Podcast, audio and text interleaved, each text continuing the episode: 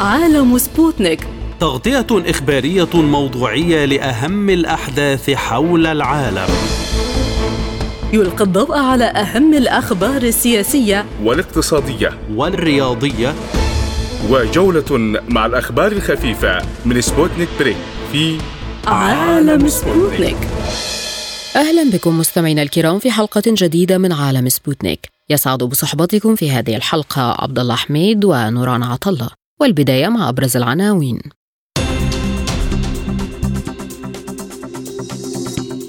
وفد حماس في القاهرة لبحث الهدنة وإسرائيل تنتظر ردها على شروطها قبل الاتفاق. لافروف يقول إن روسيا قلقة من الاستعدادات الإسرائيلية لعملية عسكرية في رفح والولايات المتحدة تقوم بإنزال مساعدات غذائية لغزة لأول مرة وجانس يجري مباحثات في واشنطن دون موافقة نتنياهو. وزير الخارجية اللبناني يعرب عن استعداد بلاده لمفاوضات غير مباشرة مع إسرائيل. إعلان الجزائر يرفض العقوبات الأحادية وتعليق الاستثمارات في مجال الطاقة بسبب التغيرات المناخية.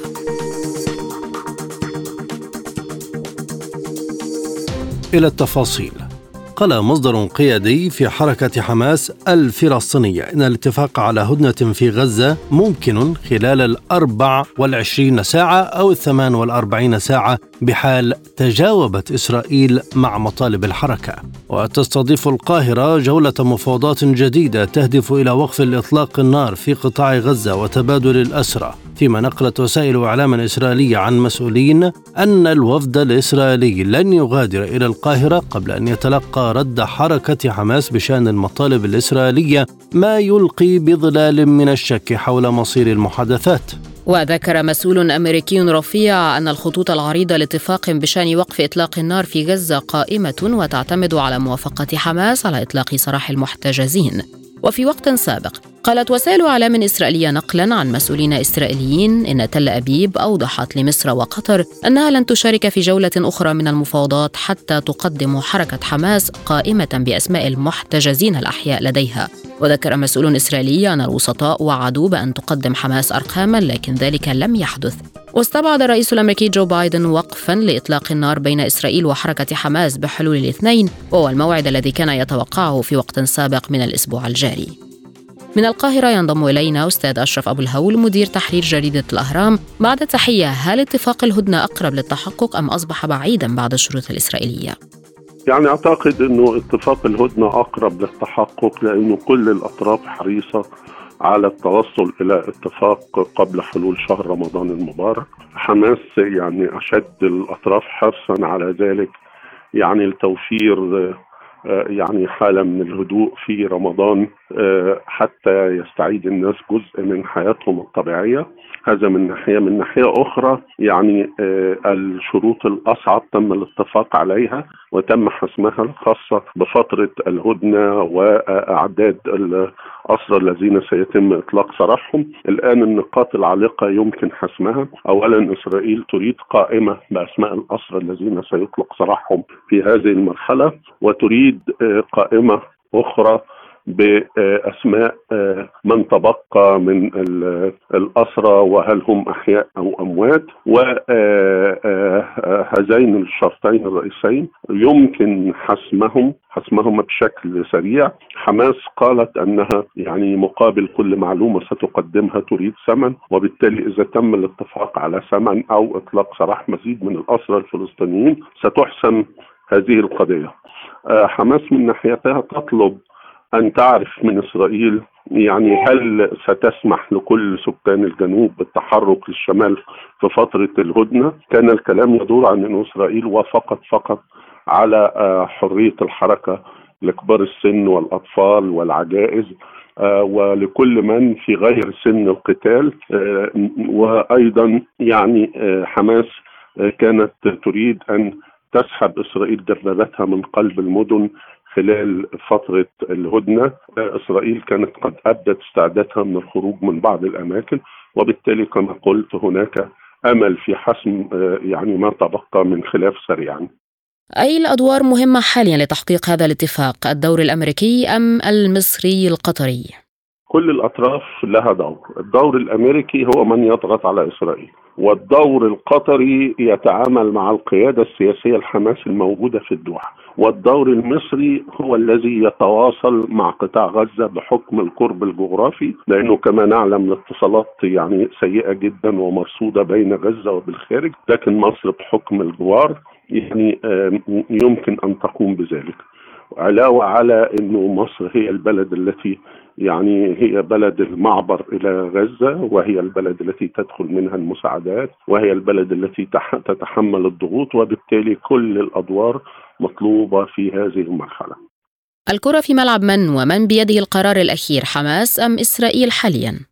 يعني بالتأكيد إسرائيل لأنه إسرائيل هي من تمسك الزناد وهي من تعتدي وهي من تهاجم وهي من تتلكك لأنه الطرف الفلسطيني يعني سبق أن يعني أعرب عن استعداده بشكل واضح للدخول في تهدئة ووقف إطلاق النار لكن إسرائيل هي من تضع الشروط والآن هناك ضغوط شديدة على الحكومة الإسرائيلية سواء ضغوط الوسطاء أو ضغوط الوضع الداخلي أسر الاسرى الإسرائيليين الذين يتظاهرون الضغط العالمي وخاصة وإنه إسرائيل تحاكم أمام محكمة العدل الدولية كل الدول في العالم تقريبا انقلبت عليها الرأي العام العالمي انقلب عليها وبالتالي هناك عناصر ضغط عليها ويمكن أن تلين من موقفها. هل نحن حاليا في مرحلة عض الأصابع بين الطرفين؟ يعني دعينا نتكلم بصراحة نعم هي مرحلة عض الأصابع لكن في النهاية من يملك السيطرة أكثر على الأرض هو من يملك قوة نيرانية أكثر هو من دمر وخرب وحول غزة إلى أنقاض ويهدد بالمزيد ويهدد باجتياح غزة وغيرها. كل طرف تضرر لكن الطرف الفلسطيني تضرر بشكل كبير جدا. ربما المقاومة ما زالت باقية ولكن الشعب هو الذي دفع ثمنا باهظا. عشرات الآلاف من البيوت دمرت. الكثير من القدرات العسكرية الكبيرة للمقاومة مثل منظومات الصواريخ وغيرها دمرت تقريبا لكن فكرة المقاومة باقية وستظل باقية والآن فقط على الكل أن أن يقتنع إنه إنه الذي يدفع الثمن الآن هو فقط المدنيين الفلسطينيين وبالتالي لابد من حل الإنقاذ هؤلاء المدنيين. قال وزير الخارجية الروسي سيرجي لافروف إن روسيا تشعر بالقلق إزاء اعتزام إسرائيل شن هجوم عسكري على مدينة رفح جنوب قطاع غزة مضيفا أن إسرائيل متمسكة بخطتها للقضاء على حركة حماس. وأوضح لافروف أن موسكو تشعر بالقلق عشية شهر رمضان يجري الإعداد لعملية لتمشيط رفح حيث يتجمع ثلث سكان غزة بالكامل الذين فروا من العنف في قطاع غزة. وأشار لافروف إلى أنه في حال تمت العملية الإسرائيلية فإن العديد من اللاجئين سيتوجهون إلى مصر التي اعترضت على مثل هذا السيناريو. ووصف النتيجة المحتملة بأنها تطهير عرقي. وأضاف لافروف أن هناك تصريحات مفادها أن قطاع غزة يجب أن يكون منطقة عازلة لإسرائيل. وقالت القيادة الإسرائيلية إن الأمر لا يتعلق بإنشاء دولة فلسطينية بل يتعلق بضمان أمن الدولة اليهودية وهذا مخالف بنسبة 100% لجميع قرارات الأمم المتحدة. من موسكو ينضم إلينا دكتور آصف ملحم مدير مركز JSM للدراسات. بعد التحية كيف يؤثر هذا التحذير الروسي على القرار الإسرائيلي بشأن رفح؟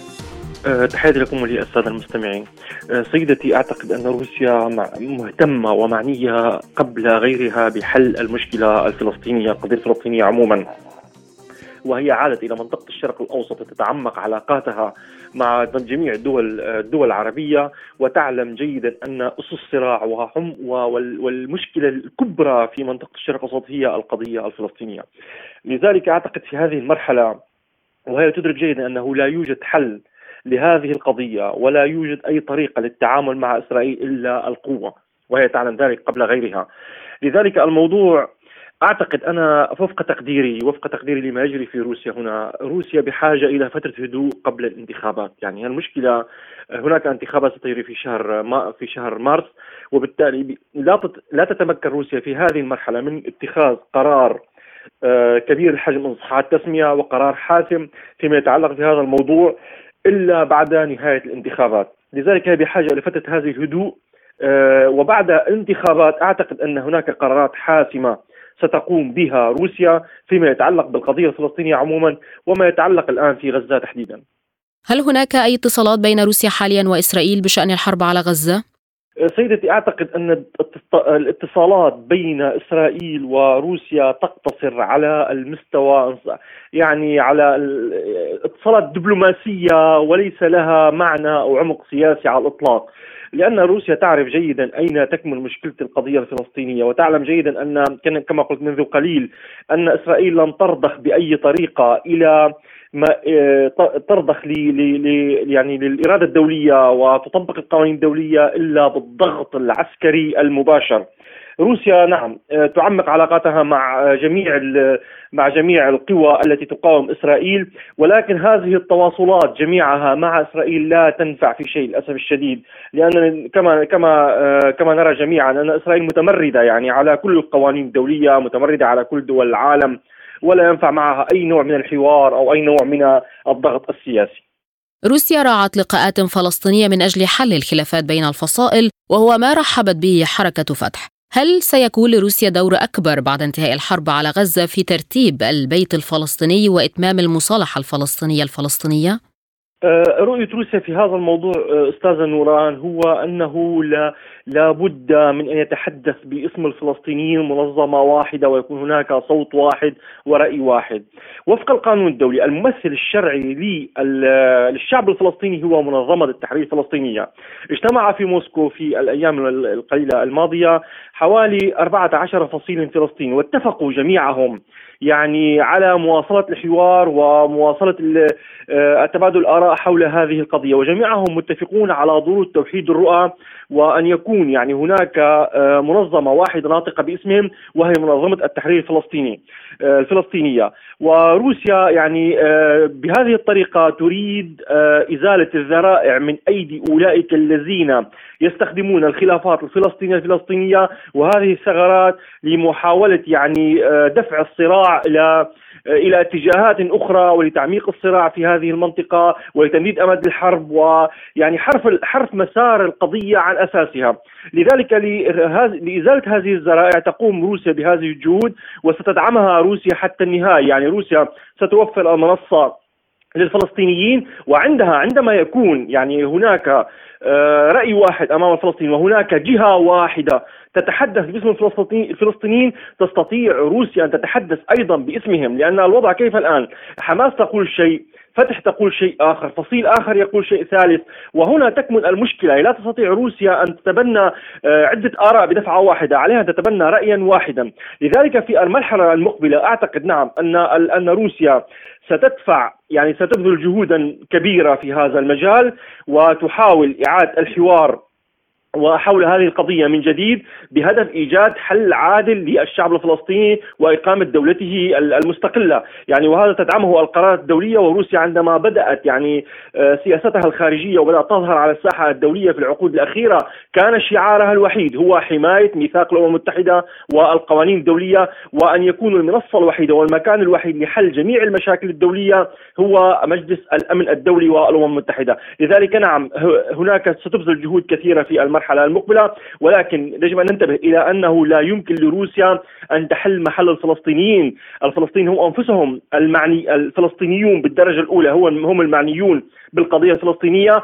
والعرب بالدرجة الثانية وعندها تستطيع روسيا أن تقدم المساعدة السياسية والعسكرية أيضا. من جانبها أسقطت الولايات المتحدة الأمريكية جوا 38 ألف وجبة غذائية على قطاع غزة. وأفادت هيئة البث الإسرائيلية بأن أمريكا سجلت بنجاح عملية إنزال لعدد ما يقارب ال 38 ألف وجبة على القطاع عن طريق الجو. كان الرئيس الأمريكي جو بايدن قد أكد أن بلاده ستنفذ خلال الأيام المقبلة عملية إسقاط جوي لمساعدات إنسانية وإغاثية على سكان القطاع وأشار إلى أن المساعدات ليست كافية وأنه يأمل في التوصل لوقف إطلاق النار خلال الأسابيع المقبلة. هذا ويحاول بيني جانس عضو مجلس الحرب الإسرائيلي على قطاع غزة ترتيب لقاء يجمعه بالرئيس الأمريكي خلال زيارته إلى واشنطن. وقالت وسائل إعلام إسرائيلية إنه رغم مخالفة زيارة جانس للوائح الحكومية الإسرائيلية ورفض رئيس الوزراء بنيامين نتنياهو لزيارته إلى واشنطن فإنه يحاول عقد لقاء مع رئيس بايدن وعدد من المسؤولين الأمريكيين الآخرين. وأوضحت وسائل الإعلام أن زيارة جانس لواشنطن لا تعتبر رسمية ولن يتم تمويلها من الحكومة الإسرائيلية على أن يتم تمويلها من حزب معسكر الدولة الذي يتزعمه جانس عضو مجلس الحرب على غزة. وذلك بعدما أصدر مكتب نتنياهو تعليمات لسفير إسرائيل في واشنطن مايك هيرزوغ بعدم مرافقة جانس خلال زيارته للولايات المتحدة وعدم التعامل مع الزيارة على أنها رسمية. من القدس ينضم إلينا دكتور فضل طهبوب الخبير بالشؤون الإسرائيلية. بعد التحية دكتور فضل كيف يمكن قراءة عملية إنزال المساعدات الأمريكية؟ هي عملية نفاق يعني إيه، شيء غير منطقي تماما. تبعت أسلحة وقذائف. صاروخيه لإسرائيل وتبعت الغذاء أو على الأقل بعض الوجبات للناس اللي بتبعت قنابل من أجل قتلهم. فقضية مش منطقية.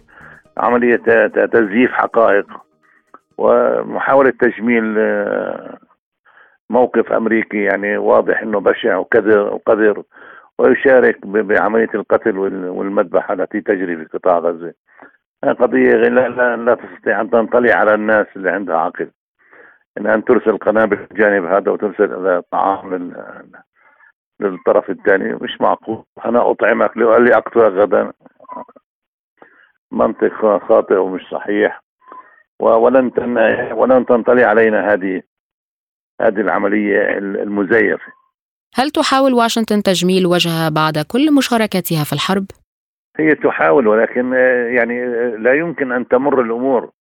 يعني ناس عندها عقل لن نقبل بهذا المنطق.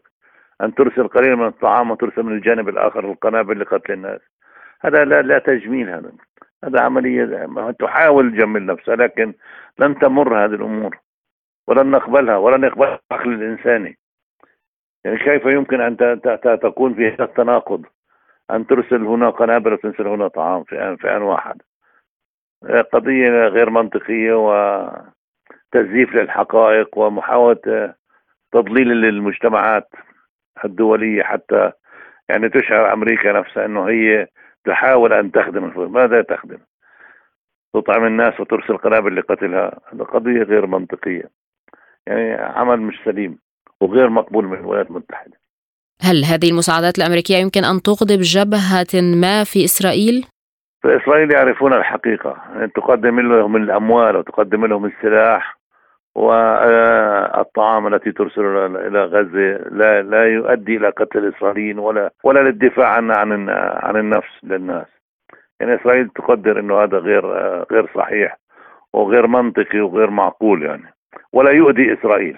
هناك تناقضات في القيادة الإسرائيلية ما بين نتنياهو وبين العديد من من أبناء المجتمع الإسرائيلي أو القيادات الإسرائيلية في حول سياسته، سياسته هي الاستمرار في إبادة الشعب الفلسطيني أو تهجيره، هذه سياسة ما زال يستمر في عملها. وطبعا هناك عديد من القيادات الاسرائيليه بيشعر أنه هذا توريط لإسرائيل وإساءة لسمعة إسرائيل وتدمير لإسرائيل بشكل عام وخسائرهم كبيرة من ناحية عسكرية.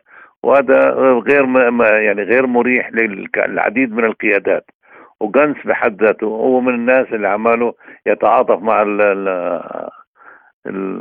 الأسرى الإسرائيليين ويحاول إطلاق إطلاق سراحهم بأي صفقة مهما كانت لترضية المجتمع الإسرائيلي ولكن نتنياهو لا يريد أن يعني أن يطلق سراح الأسرى بالعكس يستمر في قتالهم وحتى لو أتيح له الفرصة لقتلهم كما قتل جزء منهم هو مستعد أن يقوم بهذا العمل حتى يتخلص من هذه المهمة الصعبة اللي غير قادر على تحقيقها. جانس متناقض مع نتنياهو والأمريكان بيستصيغوا موقف جانس عن عن موقف نتنياهو ويحاولوا التقرب له أو على الأقل التفاهم معه على سياسة ما وربما يؤثر في القيادة الأمريكية بتغيير موقفها. بالنسبة لمحادثات جانس في واشنطن دون موافقة نتنياهو، كيف يمكن أن تؤثر على القرار الإسرائيلي؟ آه، على القرار الإسرائيلي لا تؤثر لأنه نتنياهو ما زال قوي في الحكومة تبعته وما زالت حكومته متماسكة ولكن سيؤثر على الأمريكان غانس ممكن يؤثر على الأمريكان باتخاذ موقف من نتنياهو. هذا ممكن. وهذا ما ما يزعج نتنياهو وعدم رضاه عن هذه الزيارة. هل هناك محاولات أمريكية لدعم جبهة إسرائيلية ضد جبهة نتنياهو؟ هم يدعموا يدعموا أي موقف لإسقاط نتنياهو لكن غير قادرين على إسقاطه لأنه المعارضة الإسرائيلية التماسك في حكومة نتنياهو آه، شبه كامل بمعنى آخر مجموع المتطرفين والإسرائيليين يقفوا إلى جانب نتنياهو وهو خلال فترة العشر سنوات اللي حكمها نتنياهو أدى بدفع المجتمع الإسرائيلي نحو التطرف ونحو اليمين العنصري. بمعنى آخر الآن التركيبة في داخل المجتمع الإسرائيلي أصبحت تميل إلى موقف نتنياهو أكثر آه، من المواقف الأخرى. والدليل واضح وصريح أنه لا توجد ولا حزب في إسرائيل يدعو إلى تسوية أو إلى سلام أو معني بالسلام مع الفلسطينيين بالعكس كن جميعهم يعني يقفوا إلى باتجاه العداء للشعب الفلسطيني بأكثر أو بأقل ولكن جميعهم بعداء مباشر للشعب الفلسطيني وهذه تربية سياسية استطاع أن يؤثر فيها نتنياهو خلال العشر سنوات اللي حكمها بتحويل المجتمع الإسرائيلي إلى مجتمع عنصري فاشي بهذا الشكل.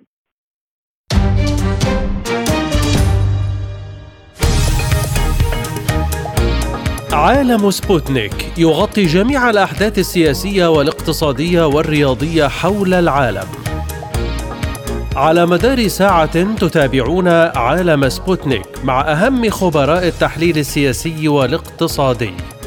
نقترب معكم في متابعة دقيقة من القضايا السياسية والاقتصادية. كما نستعرض أهم الأخبار الرياضية والفنية والبيئية. انتظروا عالم سبوتنيك أيام الجمعة والسبت والأحد من كل أسبوع. ملفات ساخنة برنامج يسلط الضوء على أهم القضايا الحرجة في العالم. في ملفات ساخنة نستعرض القضايا مع جميع الأطراف ومن كل الزوايا لاستجلاء الحقيقة. ملفات ساخنة يستضيف أهم الخبراء وأجرأ الضيوف تابعوا ملفات ساخنة مع راديو سبوتنيك أيام السبت والثلاثاء والخميس من كل أسبوع. أفاد وزير الخارجية والمغتربين في حكومة تصريف الأعمال اللبنانية عبد الله أبو حبيب على هامش منتدى أنطاليا الدبلوماسي بأن توقف الدول الغربية عن تزويد إسرائيل بالسلاح والذخيرة يوقف الحرب كاشفا عن استعداد بلاده للتفاوض غير المباشر مع إسرائيل. وأشار أبو حبيب إلى أن لبنان مستعد للتفاوض غير المباشر لأن الخيار الآخر هو خطر اتساع رقعة الحرب لتصبح حربا إقليمية. وأضاف أن التهديدات اليومية الإسرائيلية بتدمير لبنان مستمرة في حين يسعى لبنان للاستقرار. وحث الوزير بو حبيب الإسرائيليين إلى تجربة خيار مختلف عن الحرب المستمرة منذ أكثر من 75 عاما ولفت إلى أن انسحاب إسرائيل من مزارع الشبعة وتلال كفر شوبة واحترام الحدود الدولية ووقف الخروقات اليومية يحقق الأمن للجميع. وتستمر الاشتباكات بين إسرائيل وحزب الله منذ بدء الحرب الإسرائيلية على غزة بعد عملية طوفان الأقصى في السابع من أكتوبر الماضي ورغم تواصل القصف بين الجانبين إلا أنها تسير في نطاق محدود ومحسوب من الطرفين حيث يحافظ كل طرف على عدم التصعيد لكي لا تتحول المواجهة إلى حرب شاملة. بينما تتواصل تصريحات التهديد أيضا من الجانبين والتلويح بالقدرات العسكرية التي يمكن أن تدمر البلدين. من بيروت ينضم إلينا الكاتب الصحفي جورج عالم. أهلا بك سيد الكريم. هل يتسق تصريح الوزير اللبناني مع موقف حزب الله من إسرائيل؟ هناك ازدواجية في الموقف اللبناني مما يجري في الجبهة الجنوبية المفتوحة مع إسرائيل. طبعا الكلمة الأولى والفاعلة هي للمقاومة ولحزب الله. لكن الحكومة اللبنانية في منأى آخر ذلك أن رئيس حكومة ترصيف الأعمال الأستاذ نجيب ميقاتي ومنذ السابع من أكتوبر الماضي بدأ بحملة دبلوماسية لمنع إسرائيل من توسيع الحرب على لبنان.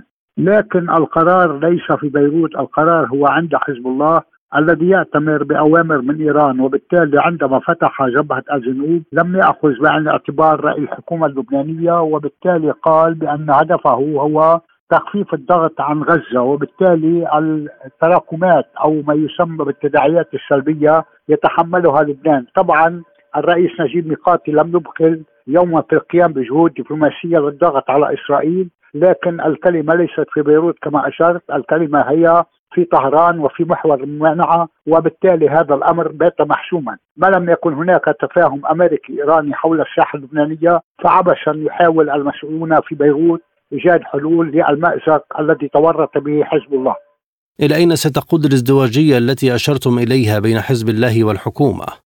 الحقيقة هذه الازدواجية دمرت لبنان كما أشرت يعني أولا أن المقاومة أو ما يسمى بالسيناء الشيعي عطل انتخابات رئيس جمهورية لأنه اشترط إيصال مرشح يتوافق مع طموحاته وهذا بطبيعة الحال ما عرقل المشهد يعني اللبناني وحال دون انتخاب رئيس الجمهورية. يضاف إلى ذلك طبعا هناك انهيارات كبيرة في لبنان قبل أن تفتح جبهة الجنوب إن على المستوى السياسي أو المالي أو الاقتصادي أو الاجتماعي إلى ما هنالك. لذلك التداعيات التي خلفتها جبهة الجنوب فاقمت من الأوضاع الداخلية. هناك بركة أمل بمعنى أن هناك موفد أمريكي هو السيد أموس هوكشتاين سوف يصل إلى بيروت. مطلع الأسبوع ربما يحمل مبادرة معينة لتهدئة الوضع في الجنوب ولتحريك الملف الرئاسي طالما أن اللبنانيين عاجزون عن انتخاب رئيس نظرا لانقساماتهم الداخلية ما بين الدويله والدولة أو المقاومة والحكومة.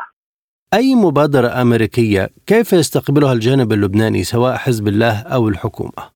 الحقيقة الولايات المتحدة الأمريكية هي طبعا الدولة النافذة ليس في لبنان إنما طبعا في الصراع الدائر حاليا في غزة وطبعا المواجهة ما بين إسرائيل ما يسمى جبهات محور الممانعة طبعا هوكشتاين كان قبل السابع من أكتوبر يحمل مبادرة لترسيم الحدود البرية بين لبنان وبين إسرائيل. عندما طبعا اشتعل جبهة الجنوب ضاعف من حراكه وبالتالي كان دائما ينشر ما بين تل أبيب وبيروت لبلورة أفكار معينة تؤمن ضمانات أمنية لإسرائيل على الجبهه الجنوبية وبالتالي بطبيعة الحال آه، تهدئة الوضع أو آه، يعني إقفال هذا الملف المفتوح أو هذا الجرح المفتوح ما بين لبنان وبين الكيان الإسرائيلي، هل ينجح اليوم؟ الحقيقة هذا الأمر مرتبط بأمرين، الأمر الأول هل تنجح المفاوضات في ايجاد تهدئة في غزة تنطلي على جنوب لبنان؟ هذا اولا، ثانيا هل هناك من ضغط أمريكي مباشر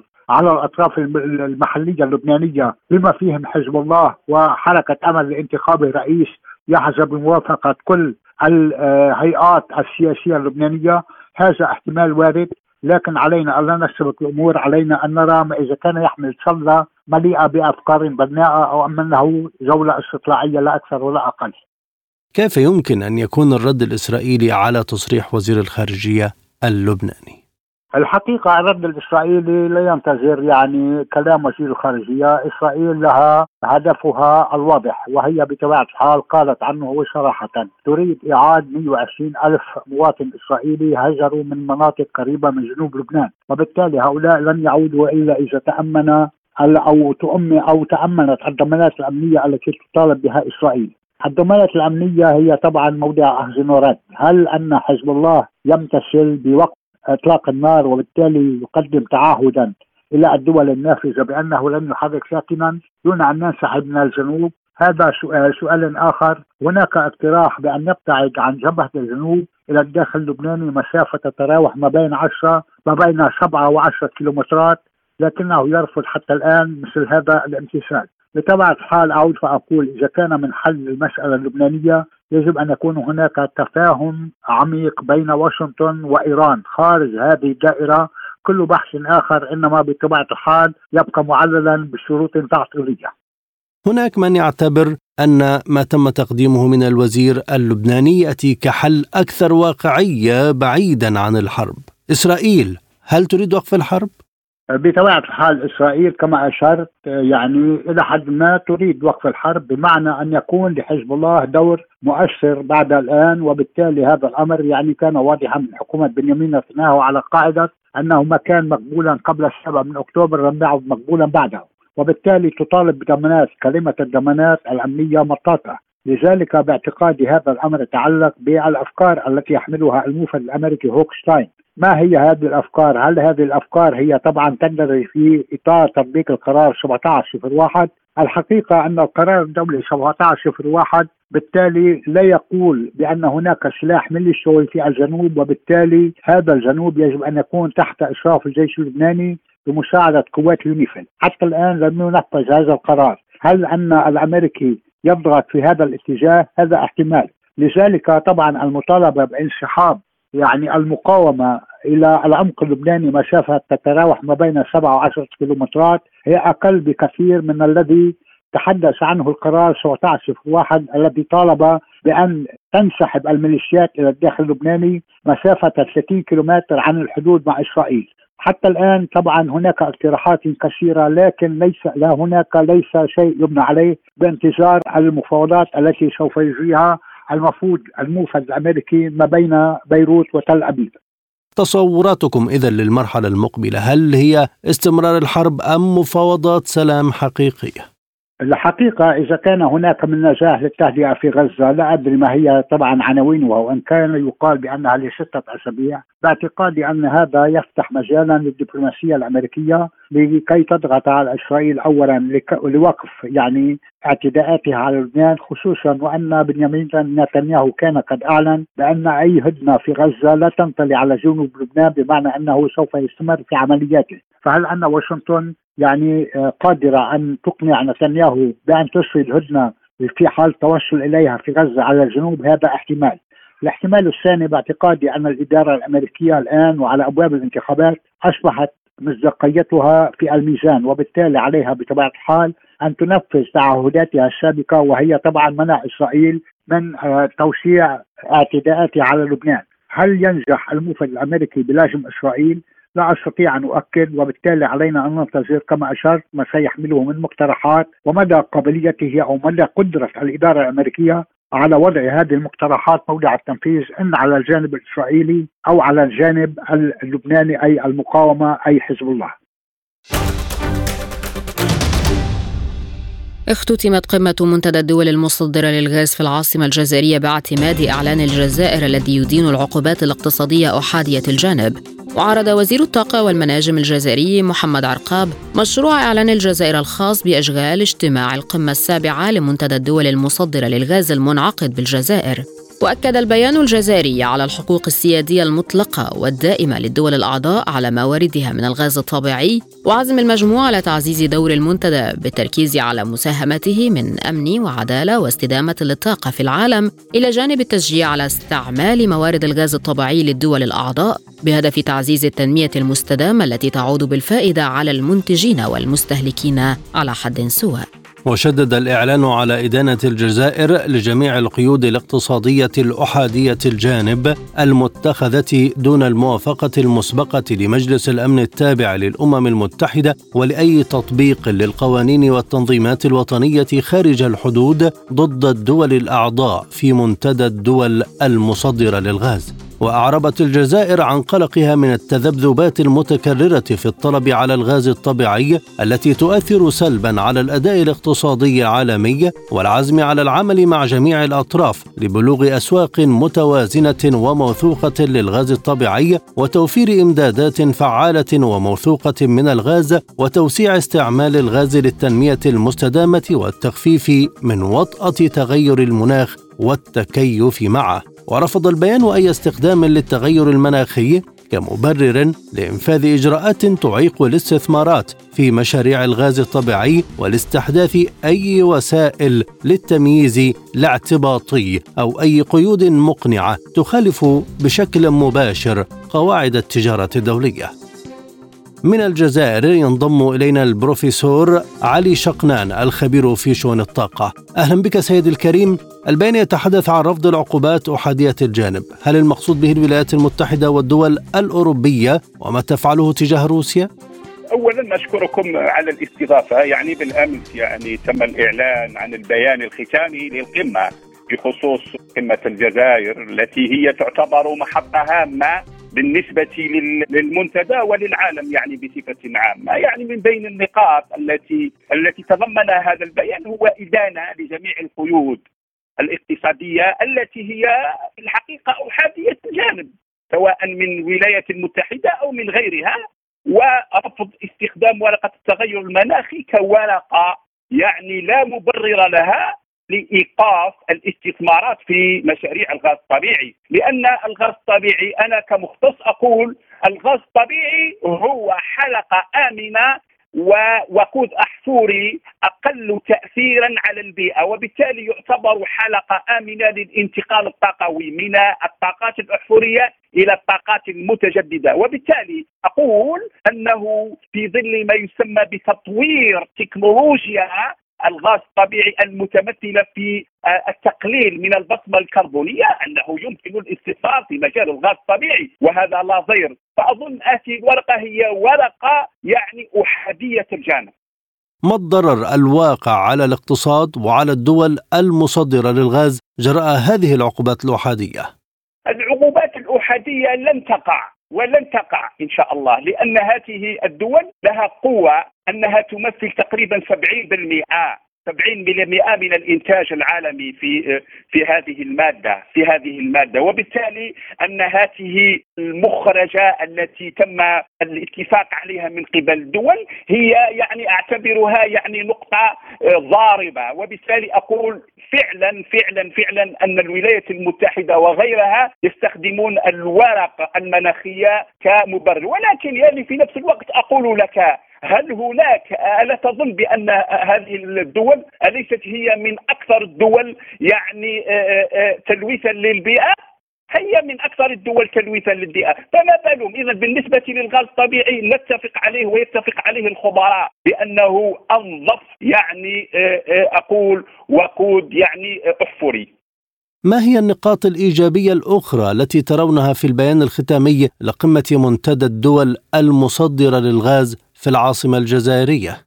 أول نقطة هي التأكيد على الأهمية الجوهرية للغاز الطبيعي في الأمن الطاقوي. كمصدر طاقة موثوق ومرن ووفير يعني وكذلك يلعب دور كبير وهام في التنمية المستدامة التي أكيد وحتما ستعود بالفائدة على الدول المنتجة وكذلك الدول المستهلكة. يعني فهذا لا يتأتى إلا آه، عن طريق تطوير قطاع الغاز الطبيعي. أقصد قطاع آه، صناعة الغاز الطبيعي. فهذا يعني يكون عبر التعاون والتنسيق بين هذه الدول الدول المنتدى من أجل كما قلت منذ قليل التقليل من البصمة الكربونية. كذلك الأمر الأساسي الذي تطرق إليه تطرق إليه الحاضرون هي الحقوق السيادية المطلقة وبدون أي شروط يعني على الموارد الطاقوية وبالخصوص الغاز الطبيعي. كذلك النقطة الأخرى وقد تطرقت إليها في بداية تدخلي هي إدانة لجميع القيود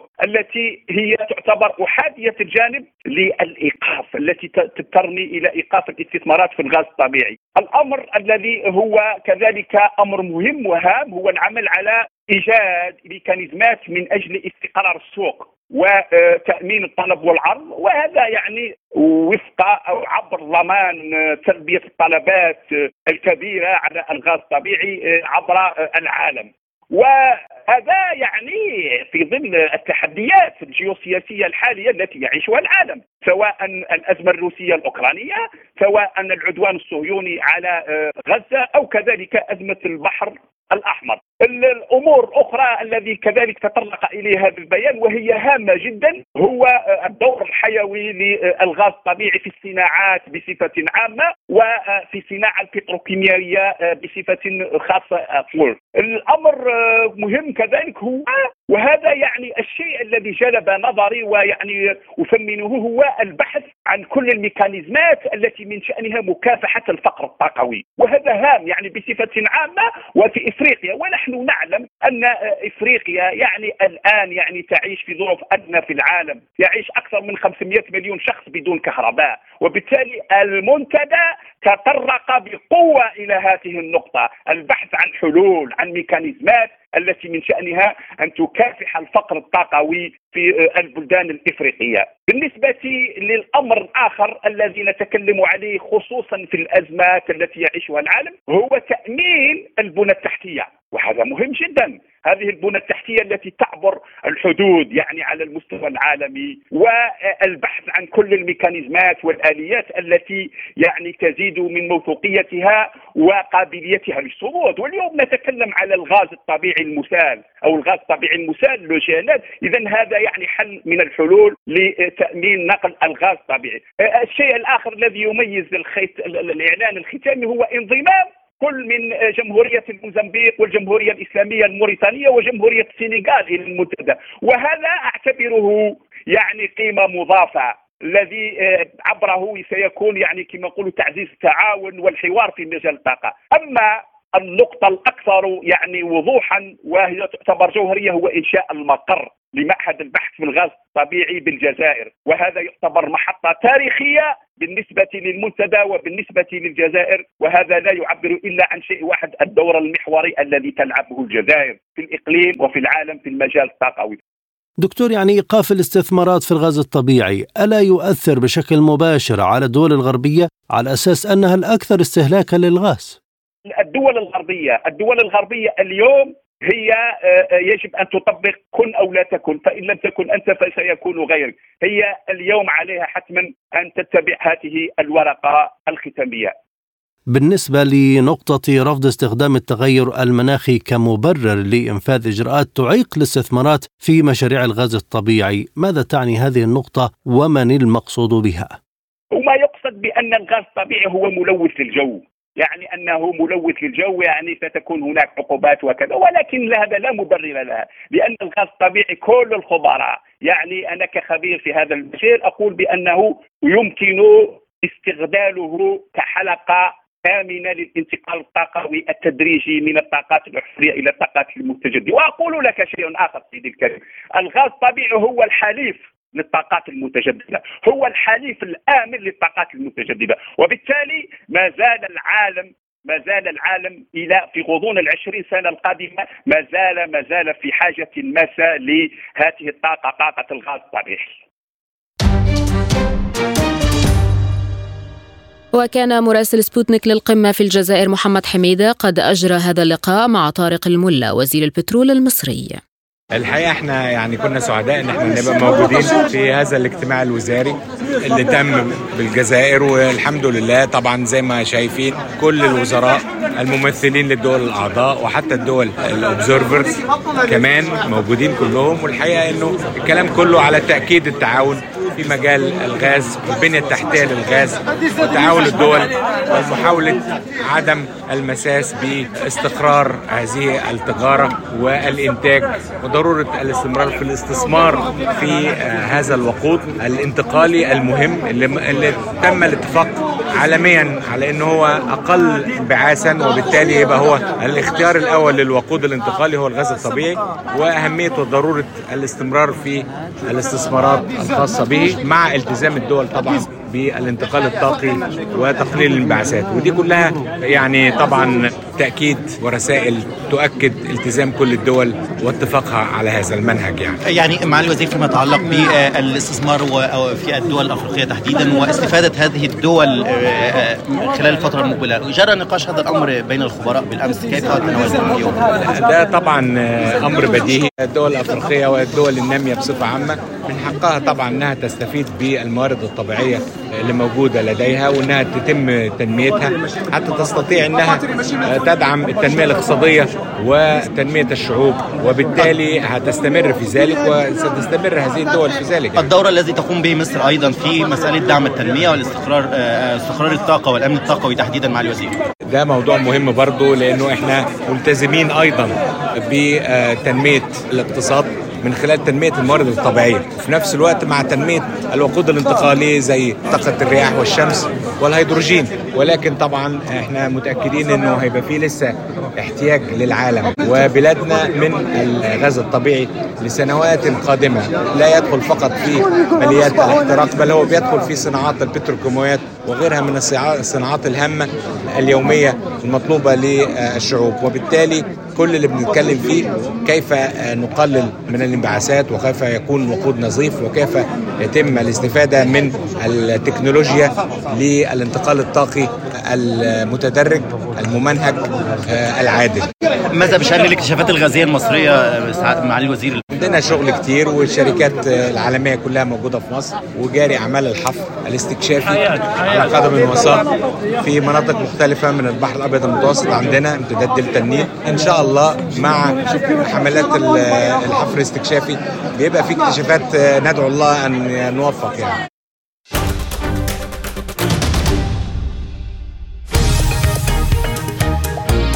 عالم سبوتنيك يغطي جميع الأحداث السياسية والاقتصادية والرياضية حول العالم.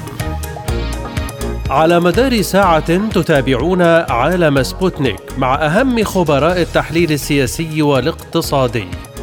نقترب معكم في متابعة دقيقة من القضايا السياسية والاقتصادية.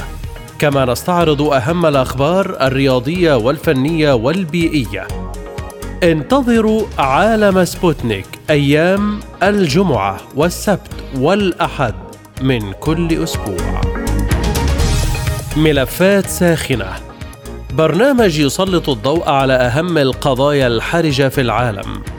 في ملفات ساخنة نستعرض القضايا مع جميع الأطراف ومن كل الزوايا لاستجلاء الحقيقة. ملفات ساخنة يستضيف أهم الخبراء وأجرأ الضيوف. تابعوا ملفات ساخنة مع راديو سبوتنيك أيام السبت والثلاثاء والخميس من كل أسبوع. مستمرون معكم وهذه تذكرة بأهم عناوين عالم سبوتنيك.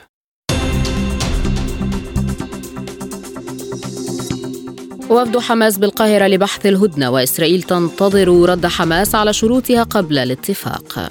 لافروف يقول إن روسيا قلقة من الاستعدادات الإسرائيلية لعملية عسكرية في رفح والولايات المتحدة تقوم بإنزال مساعدات غذائية لغزة لأول مرة وغانس يجري مباحثات في واشنطن دون موافقة نتنياهو.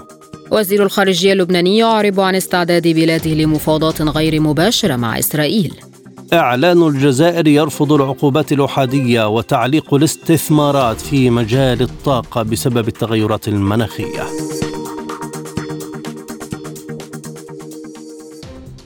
الآن إليكم جولة إخبارية حول العالم. أعلنت وزارة الدفاع الروسية أن أنظمة الدفاع الجوي دمرت 38 طائرة دون طيار أوكرانية فوق جمهورية القرم وقالت الوزارة في بيان لها أنه تم إحباط محاولة من قبل نظام كييف لتنفيذ هجوم إرهابي باستخدام 38 طائرة دون طيار على أهداف في أراضي الاتحاد الروسي. وأضاف البيان أن جميع الطائرات المسيرة الأوكرانية دمرتها أنظمة الدفاع الجوي فوق أراضي جمهورية القرم. وكانت وزارة الدفاع الروسية أعلنت أن أنظمة الدفاع الجوي الروسية أسقطت 107 مسيرات أوكرانية في كل من جمهوريتي دونتسك ولوغانسك الشعبيتين وفي كل من مقاطعات خيرسون وزابروجيا وخاركوف خلال ال 24 ساعة الماضية. أكد وزير الخارجية التركي هاكان فيدان أن الوقت حان لبدء حوار بين روسيا وأوكرانيا لوقف إطلاق النار. وقال فيدان في ختام منتدى أنطاليا الدبلوماسية إنه حان الوقت لبدء الحوار بين الجانبين من أجل وقف إطلاق النار. وأضاف وزير الخارجية التركي أنه اتفق خلال لقائه مع وزير الخارجية الروسي سيرجي لافروف على بحث الملف السوري بالتفصيل مشيرا إلى أن الأمر يحتاج لوقت. وأوضح أن هناك حاجة إلى خلق بيئة لمناقشة الملف السوري والوقت أيضا من أجل بحث هذا الملف بشكل جدي. وأكد وزير الخارجية التركي أن هناك حاجة للتوصل إلى وقف إطلاق النار في قطاع غزة قبل شهر رمضان. ارتفع عدد ضحايا قصف إسرائيلي على مخيم جباليا شمال قطاع غزة إلى 12 وذكر التلفزيون الفلسطيني أن ثمانية من الضحايا سقطوا جراء استهداف الطيران الإسرائيلي منزلا بالقرب من مدرسة أبو حسين بينما تم انتشال أربع جثث بعد استهداف منزلا في منطقة الصفطاوي بمخيم جباليا أعلنت سرايا القدس الجناح العسكري لحركة الجهاد الإسلامي الفلسطينية تفجير مبنى تحصنت به قوة إسرائيلية واستهداف آليتين إسرائيليتين في مدينة خان يونس جنوب قطاع غزة وإيقاع عسكرييها بين قتيل وجريح. وقالت سرايا القدس إنه بعد عودتهم من خطوط القتال في منطقة عبسان الكبيرة بمدينة خان يونس أكد مقاتلوها استهداف آليتين عسكريتين بقذائف آر بي جي وتفجير مبنى تم تفخيخه مسبقا تحصنت به قوات إسرائيلية أوقعتهم بين قتيل وجريح. قال رئيس الوزراء الإسرائيلي الأسبق إيهود باراك إن رئيس الوزراء الإسرائيلي الحالي بنيامين نتنياهو يسير وراء كل من الوزيرين إتمار بن جفير ويتسلئيل سموتريتش. وحذر باراك من انجرار نتنياهو وراء بن جفير وزير الأمن القومي وسموتريتش وزير المالية. وقال إنه يخاطر بحياة المحتجزين الإسرائيليين لدى حركة حماس. وأوضح إيهود باراك أن هذا الانجرار لرئيس الوزراء الإسرائيلي واقع سيء لا يجعله يتخذ قرارات بشكل صحيح مضيفا أن نتنياهو على استعداد للمخاطرة بحياة المحتجزين لأسباب سياسية. كان إيهود باراك قد دعا إلى محاصرة الكنيست من خلال وجود نحو 30 ألف مواطن إسرائيلي أمام مقر البرلمان لمدة ثلاثة أسابيع كاملة حتى يستقيل نتنياهو. قتل طفل فلسطيني في الثالثة عشرة من عمره متأثرا بإصابته برصاص القوات الإسرائيلية قرب مخيم الجلزون شمال رام الله. وبحسب وكالة الأنباء الفلسطينية أفادت جمعية الهلال الأحمر بأن طواقمها تعاملت مع إصابة خطيرة بالرصاص الحي في مخيم الجلزون. تم عمل إنعاش قلب ورئتين للمصاب ونقله إلى مستشفى رام الله. وأضافت الوكالة أن القوات الإسرائيلية أطلقت الرصاص على الطفل برفقته آخر أثناء وجودهما قرب جدار الفصل والتوسع العنصري المحاذي للمخيم ويبعد عشرات الأمتار عن مستعمرة بيت إيل المقامة عنوة على أراضي المواطنين وتركته ينزف لنحو ساعة قبل الإبلاغ عنه لطواقم الإسعاف. أضافت أنه تم نقل الطفل إلى مستشفى رام الله وهو بحالة حرجة حيث أعلن الأطباء عن وفاته لاحقا بينما أصيب الطفل الآخر بشظايا الرصاص. أعلن حزب الله اللبناني في بيان عن ملخص عملياته العسكرية واستهداف مواقع الجيش الإسرائيلي وتموضعات لجنوده في القطاعين الشرقي والغربي من جنوب لبنان. وأوضح حزب الله في بيانه أن عناصره قصفوا ستة مواقع للجيش الإسرائيلي حيث استهدفوا في القطاع الشرقي من جنوب لبنان مربد الزعورة بالأسلحة الصاروخية وثكنة زبدين في مزارع الشبعة اللبنانية المحتلة بالأسلحة الصاروخية وحققوا فيها إصابة مباشرة. ولفت البيان إلى أن عناصر الحزب شنوا في القطاع الغربي من جنوب لبنان هجوما جويا على قيادة القطاع المستحدث في ليمان بمسيرة انقضاضية وأصابوا هدفها بدقة. وقصفوا تجمعا لجنود الجيش الإسرائيلي في محيط موقع جل العلام بالأسلحة الصاروخية. وحققوا فيها إصابات مباشرة. كما استهدفوا موقع الراهب وموقع حدب يارين بصاروخي بركان وحققوا فيه إصابة مباشرة كما أعلن حزب الله عن مقتل خمسة عناصر من مقاتلي في جنوب لبنان. من جهته أفاد الجيش الإسرائيلي بوقوع سلسلة ضربات شمال البلاد وأطلقت صافرات الإنذار وقالت وسائل أعلام إسرائيلية إن صاروخ بركان استهدف موقعا للجيش في الجليل الغربي.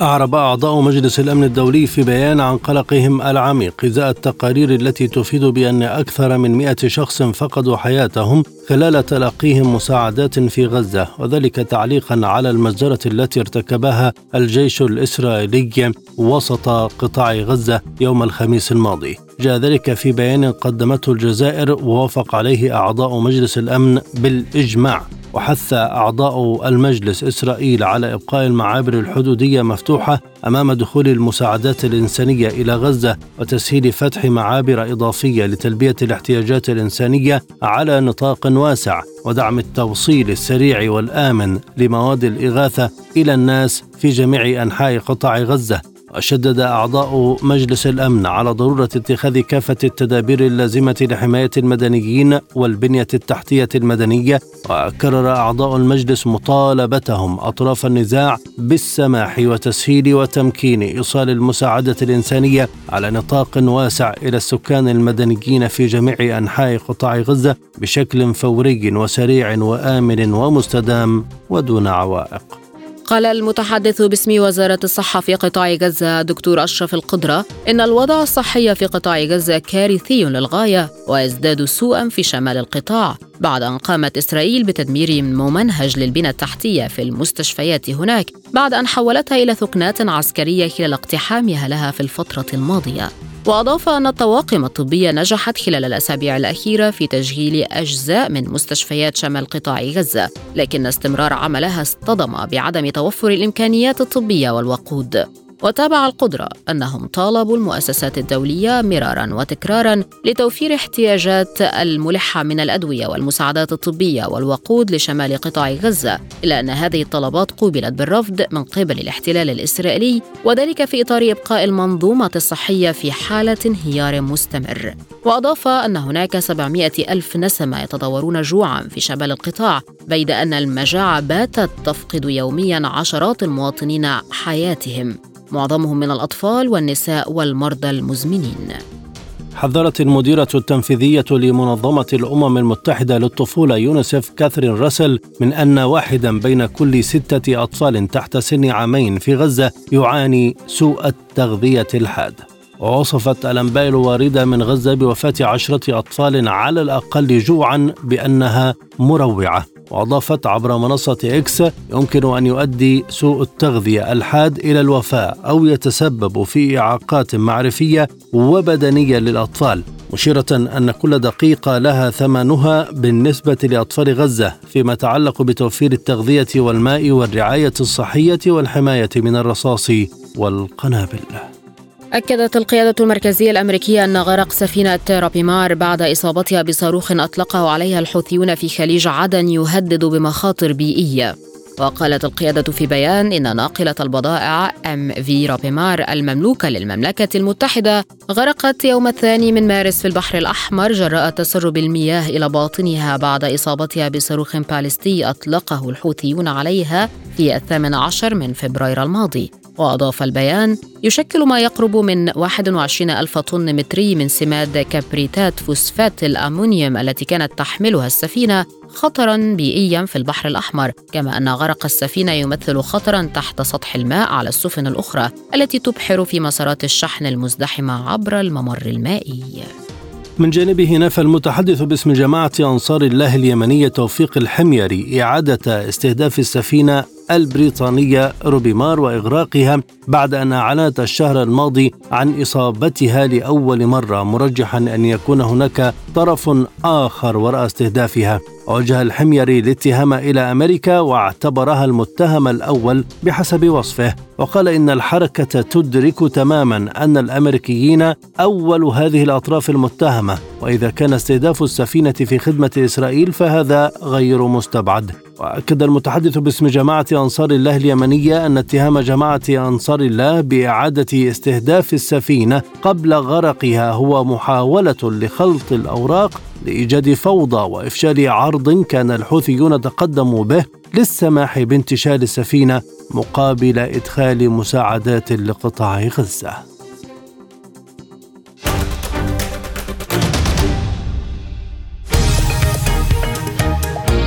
عالم سبوتنيك يغطي جميع الأحداث السياسية والاقتصادية والرياضية حول العالم.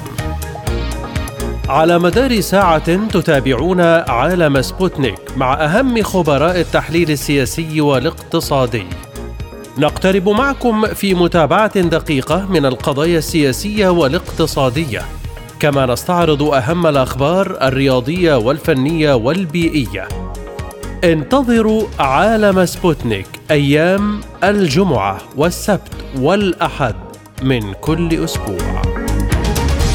مساحة حرة برنامج يسلط الضوء على أهم القضايا الاجتماعية والاقتصادية حول العالم.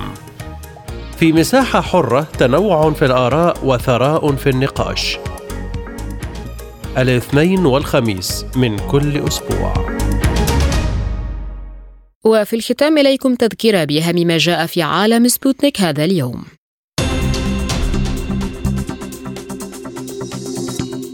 وفد حماس في القاهرة لبحث الهدنة وإسرائيل تنتظر الرد على شروطها قبل الاتفاق لافروف يقول إن روسيا قلقة من الاستعدادات الإسرائيلية لعملية عسكرية في رفح والولايات المتحدة تقوم بإنزال مساعدات غذائية لغزة لأول مرة وجانس يجري مباحثات في واشنطن دون موافقة نتنياهو. وزير الخارجية اللبناني يعرب عن استعداد بلاده لمفاوضات غير مباشرة مع إسرائيل. إعلان الجزائر يرفض العقوبات الأحادية وتعليق الاستثمارات في مجال الطاقة بسبب التغيرات المناخية. للمزيد زوروا موقعنا سبوتنيك إلى اللقاء.